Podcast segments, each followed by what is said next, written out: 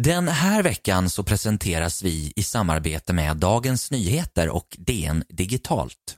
Och för oss som jobbar inom kategorin dokumentära poddar så är just Dagens Nyheter ett otroligt bra och viktigt komplement i vår research.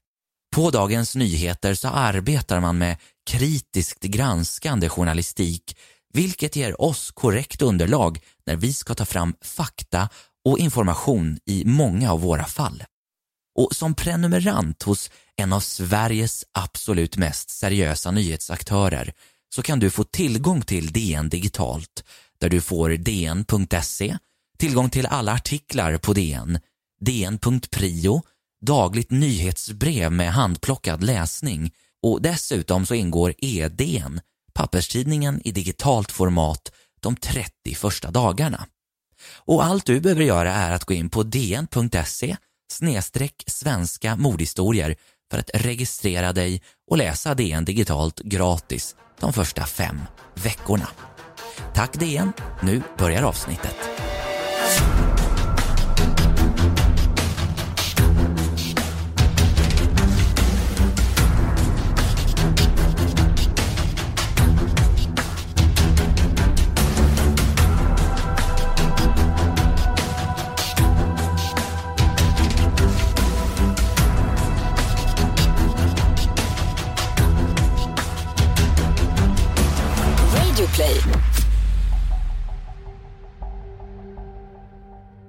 19-åriga Anna Norell hittas mördad i sin bostad på våren 2005.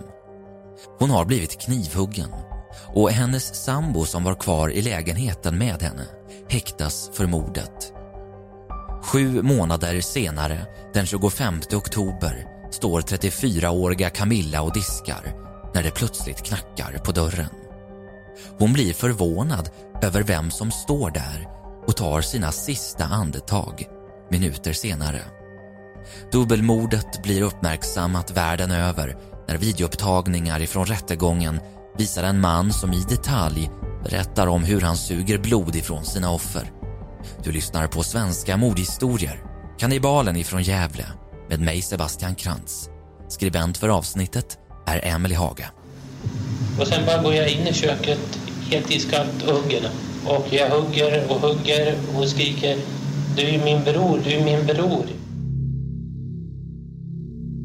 När pojken Lennart Persson föds år 1977 upptäckte man snart att han hade ett medfött fel på benen.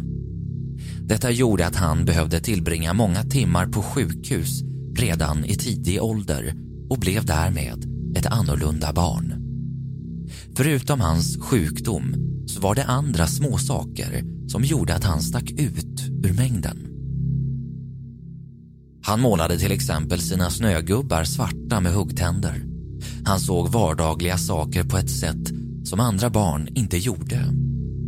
En före detta klasskamrat berättar att hela familjen var märklig och det var inte många som ville följa med Lennart hem för att leka med honom. På grund av utfrysningen i skolan följde det sig naturligt att han umgicks med sina föräldrar och fostersyskonen Anna och Camilla mer än med skolkamraterna. Det var först när han kom upp i tonåren som omgivningen började upptäcka hans sociala sidor. Han sökte till cirkuslinjen i Gävle och utvecklade ett intresse för country. Både musiken och livsstilen på landet var något han längtade efter. Hans dröm var att få åka till Nashville. Samtidigt fick grannar och förbipasserande i området upp ögonen allt mer för Lennarts familj.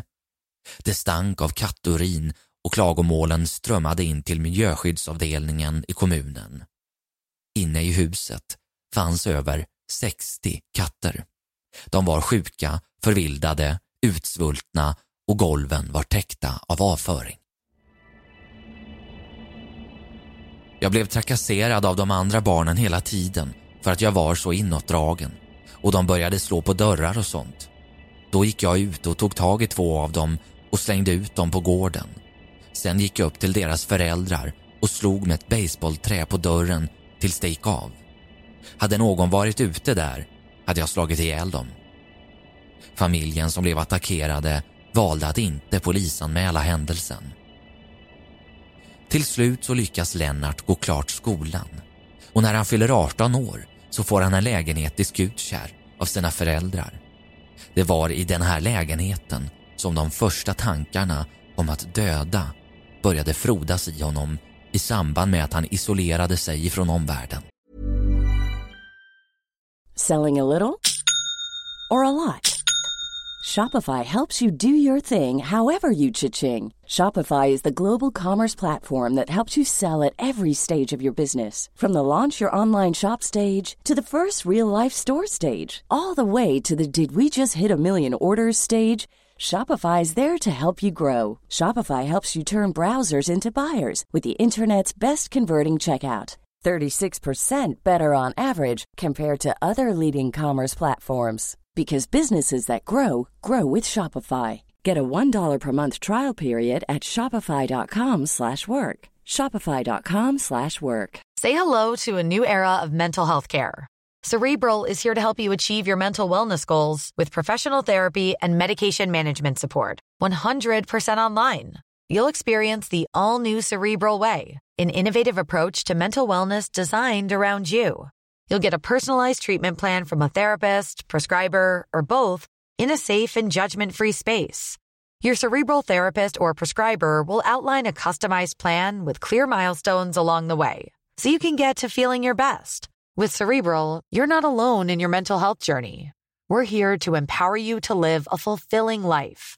So take that first step towards a brighter future and sign up today at cerebral.com slash podcast and use code ACasts to get 15% off your first month. Offer only valid on monthly plans. Other exclusions may apply. Offer ends July 31st, 2024. See site for details. Han hade inte träffat sina fostersystrar Anna och Camilla på länge vid den här tiden men de fanns i tankarna hela tiden. De var som mina systrar. Jag älskade dem som systrar, säger han i senare polisförhör och menar att han aldrig haft några sexuella tankar om tjejerna. Men under år 2003 har man upptäckt att han skickade anonyma brev med grovt pornografiskt innehåll till Camilla. Han börjar arbeta på ångköket i Gävle och där berättar han för sina arbetskamrater att han gjort en 14-årig flicka gravid. Men att han och hans flickvän skulle adoptera barnet eftersom hans flickvän var steril. Han berättade också att han bodde tillsammans med de båda kvinnorna. Dagen därpå har han med sig bilder på sina flickvänner som han visar upp för kollegorna. En tjej var ljus och hade axellångt hår, den andra var mörk och hade lockigt hår. Arbetskamraten kunde senare berätta att den ena kvinnan på bilden som han visade upp var Anna Norell, Lennarts fostersyster. Av kollegorna beskrivs han som en total enstöring.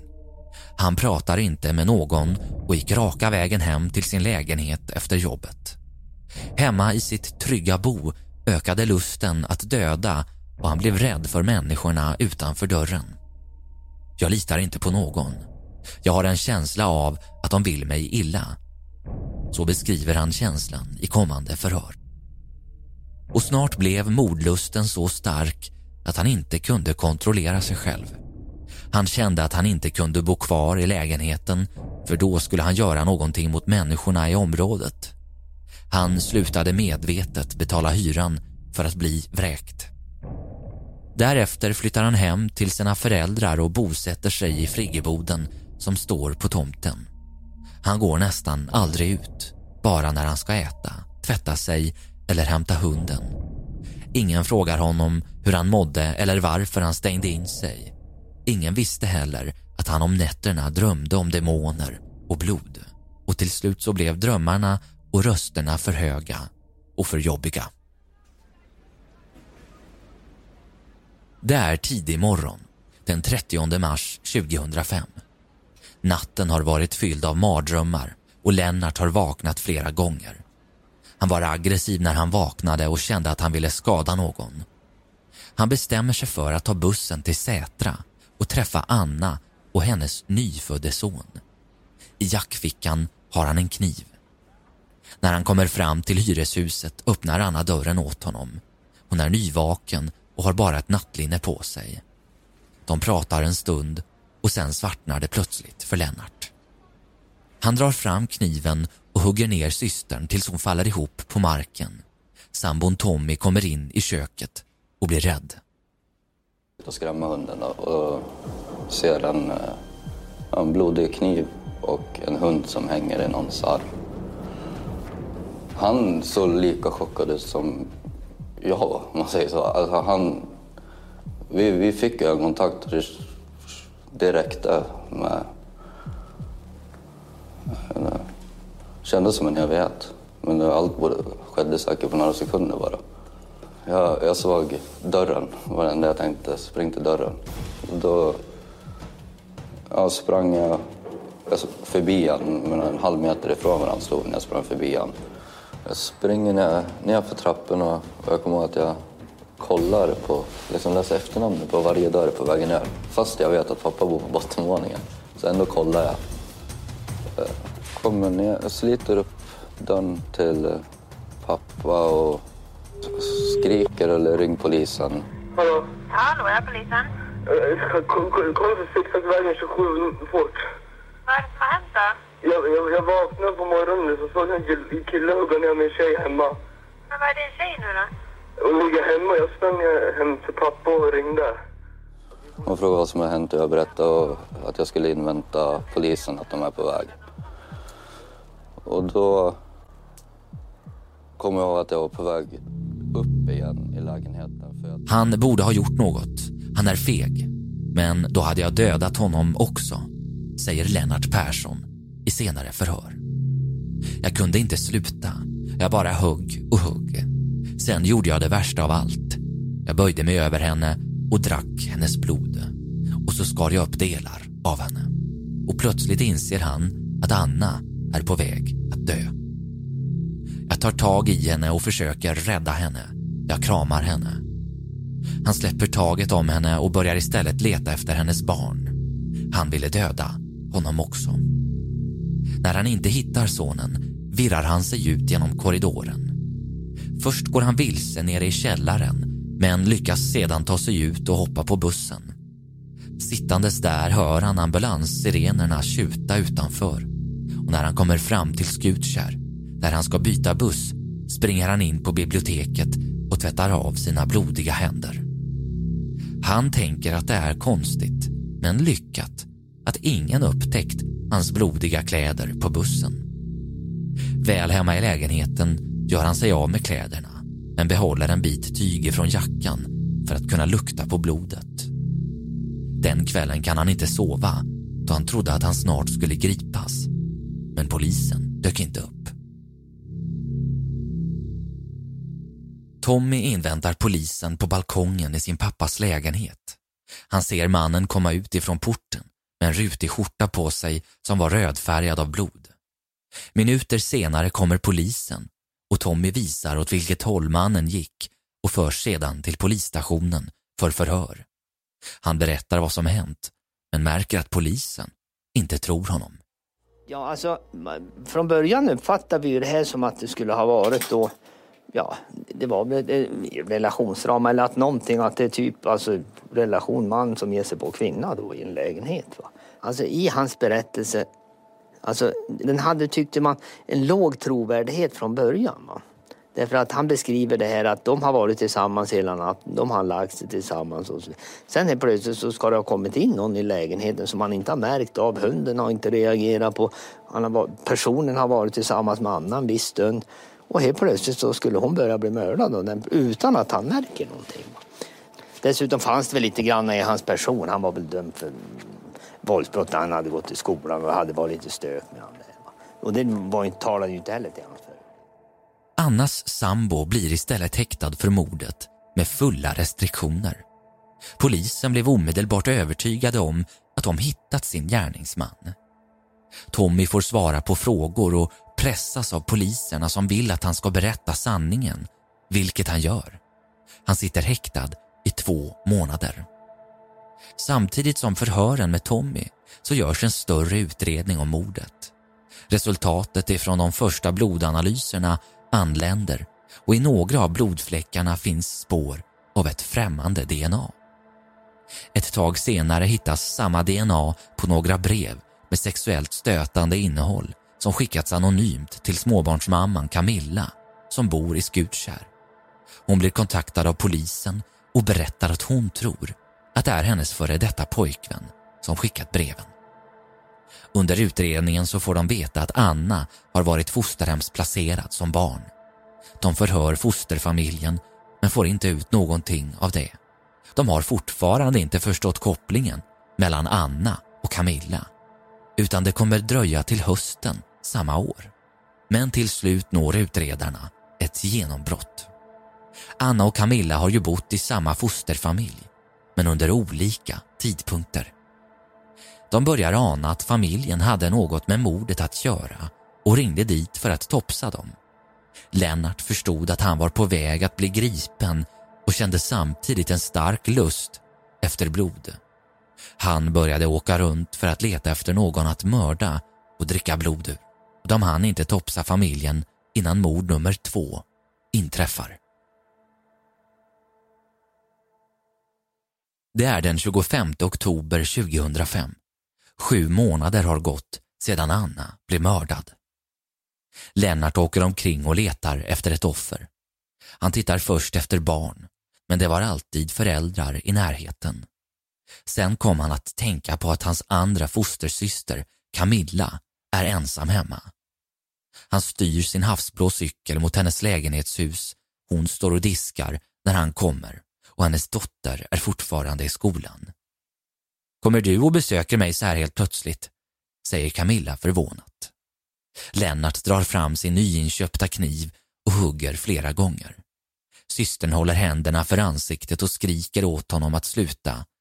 Han slutar en stund, men bara för att gå in i badrummet och tvätta av sina händer och kniven. Han går därefter tillbaka och hugger henne till döds. Han letar efter flickan som inte är hemma och när han inte hittar henne så går han tillbaka till Camilla.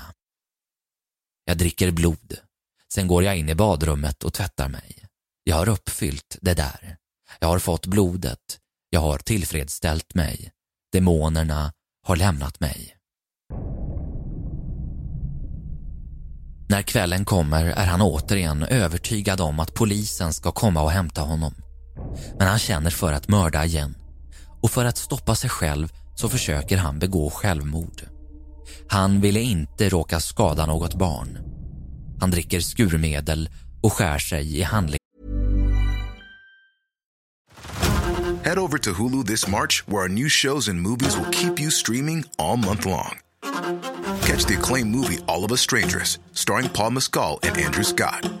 Stream the new Hulu original limited series We Were the Lucky Ones with Joey King and Logan Lerman. And don't forget about Grey's Anatomy. Every Grey's episode ever is now streaming on Hulu. So, what are you waiting for?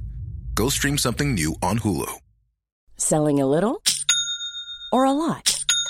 Shopify helps you do your thing however you cha-ching. Shopify is the global commerce platform that helps you sell at every stage of your business. From the launch your online shop stage to the first real life store stage, all the way to the did we just hit a million orders stage. Shopify is there to help you grow. Shopify helps you turn browsers into buyers with the internet's best converting checkout. 36% better on average compared to other leading commerce platforms because businesses that grow grow with Shopify. Get a $1 per month trial period at shopify.com/work. shopify.com/work. lederna. Han blir svag och snubblar ut ur friggeboden till husets trädgård där poliserna redan står och väntar. Nyheten om mannen som druckit av sina fostersystrars blod blev omtalad och uppmärksammad. Först i Sverige, men sen även i utländska medier. För Tommy, Annas sambo, var gripandet en glad nyhet och ett nytt kapitel i hans liv.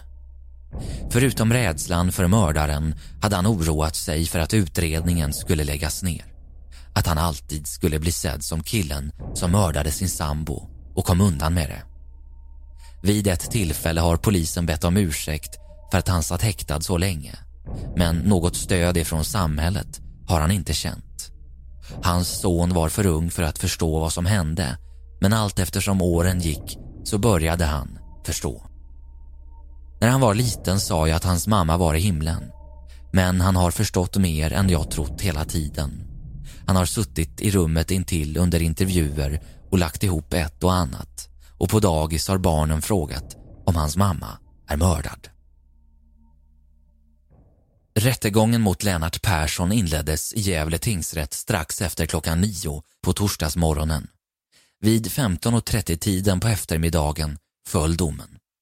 Efter en så kallad enskild överläggning i tio minuter enades tingsrätten att döma honom till rättspsykiatrisk vård med särskild utskrivningsprövning.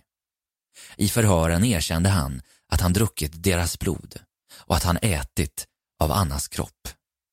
Jag gjorde så för att deras själar skulle bli mina, säger han. Han placerades på Säters sjukhus i Dalarna där det idag finns 63 vårdplatser. Den första tiden på kliniken bestod av mycket restriktioner och uppmärksamhet på grund av grymheten i brotten som han hade begått. Han berättade också själv om det kraftiga övervåldet och den bizarra hanteringen av kropparna. Enligt en riskbedömning som gjordes i maj 2017 har hans inställning till brotten ändrats under tiden. Hans sociala förmågor har utvecklats. Men Lennart besväras fortfarande av minnesbilder ifrån sina brott. Det framkallar ångest, skuldkänslor och våldsamma mardrömmar. Under våren 2016 erkände han att han hade tankar om att skada kvinnor och barn, men han ville inte att det skulle ske. Han avstod därför ifrån både utevistelser och arbetsterapi. Återfallsrisken i brottslighet ses däremot fortfarande som mycket hög om han skulle skrivas ut. Det kommer ta många år innan jag kommer ut härifrån. Jag tror att jag åtminstone måste sitta här i 14 till 15 år till. Jag både tänker och drömmer mycket om blod och mord. Det är mycket vampyriskt. Det går inte en dag utan att jag känner blodtörsten. Jag kan tycka att det är otäckt, men det är inget jag kan göra något åt. Han tänker ofta på Anna och Camilla som han betraktade som sina systrar. Lite ånger känner jag ibland. Min mörka sida ledde mig in på den vägen och det fanns ingen återvändo. Jag kan förstå vad jag har gjort och varför. De var lätta offer. Så enkelt är det. Han pratar fort och okomplicerat. Han döljer inget. Han låter nästan stolt när han säger Jag är vampyr och kannibal. Det inser jag själv. Ibland kan jag tycka att det är otäckt att känna blodtörsten hela tiden. Jag har det bra här och numera får jag vara tillsammans med de andra patienterna. Det första året satt jag inlåst och isolerad. Dessutom har jag daglig telefonkontakt med min familj och ibland kommer de hit och hälsar på mig. Läkarna tycker naturligtvis inte att det är bra att jag ständigt känner blodtörst. Men är man vampyr så är man. Det är inget jag kan göra något åt. Du har lyssnat på Kannibalen ifrån Gävle. Källor för avsnittet är artiklar ifrån Expressen.se, ljudklipp ifrån programmet Veckans brott, tidningen Gefle Dagblad, Aftonbladet.se och Arbetarbladet.se. Skribent är Emily Hage, jag heter Sebastian Krantz. Tack för att du har lyssnat. Vi hörs igen nästa vecka.